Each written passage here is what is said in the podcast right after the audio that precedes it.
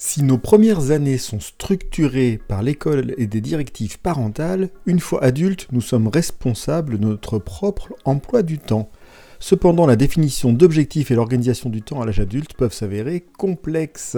Bienvenue, vous êtes sur J'ai pas le temps pour ça, le podcast proposé par Eric Boucher. Je vous partage des trucs, des astuces, des outils, des méthodes pour être plus efficace au quotidien et terminer la journée plus tranquillement.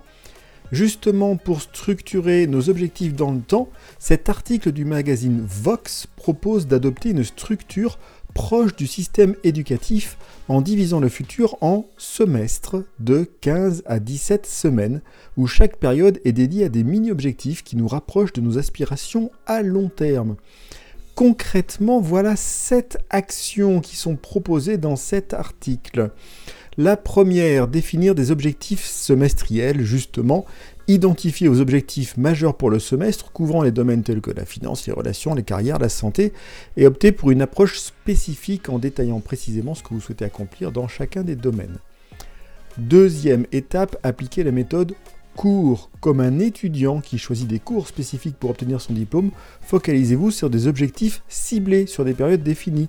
Structurez votre semestre avec des étapes, des cours qui vous rapprochent progressivement de vos grands objectifs. Troisième élément, planifier et pratiquer des mini-objectifs. Votre plan détaillé, on revient quasiment sur la matrice Eisenhower et la partie planifiée, c'est pas surprenant. Sur le quand et combien de fois vous allez travailler sur vos micro-objectifs, prévoyez une certaine flexibilité pour gérer les imprévus, évidemment, tout en maintenant vos engagements envers vos objectifs. On connaît tout ça.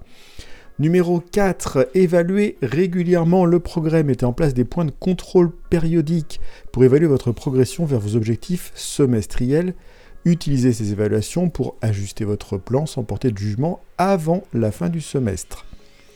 Numéro 5, mesurez la croissance à la fin du semestre. Après ces 15 à 17 semaines, vérifiez où vous en êtes, évaluez si vos objectifs ont été atteints, identifiez les obstacles rencontrés et ajustez vos attentes pour le prochain semestre.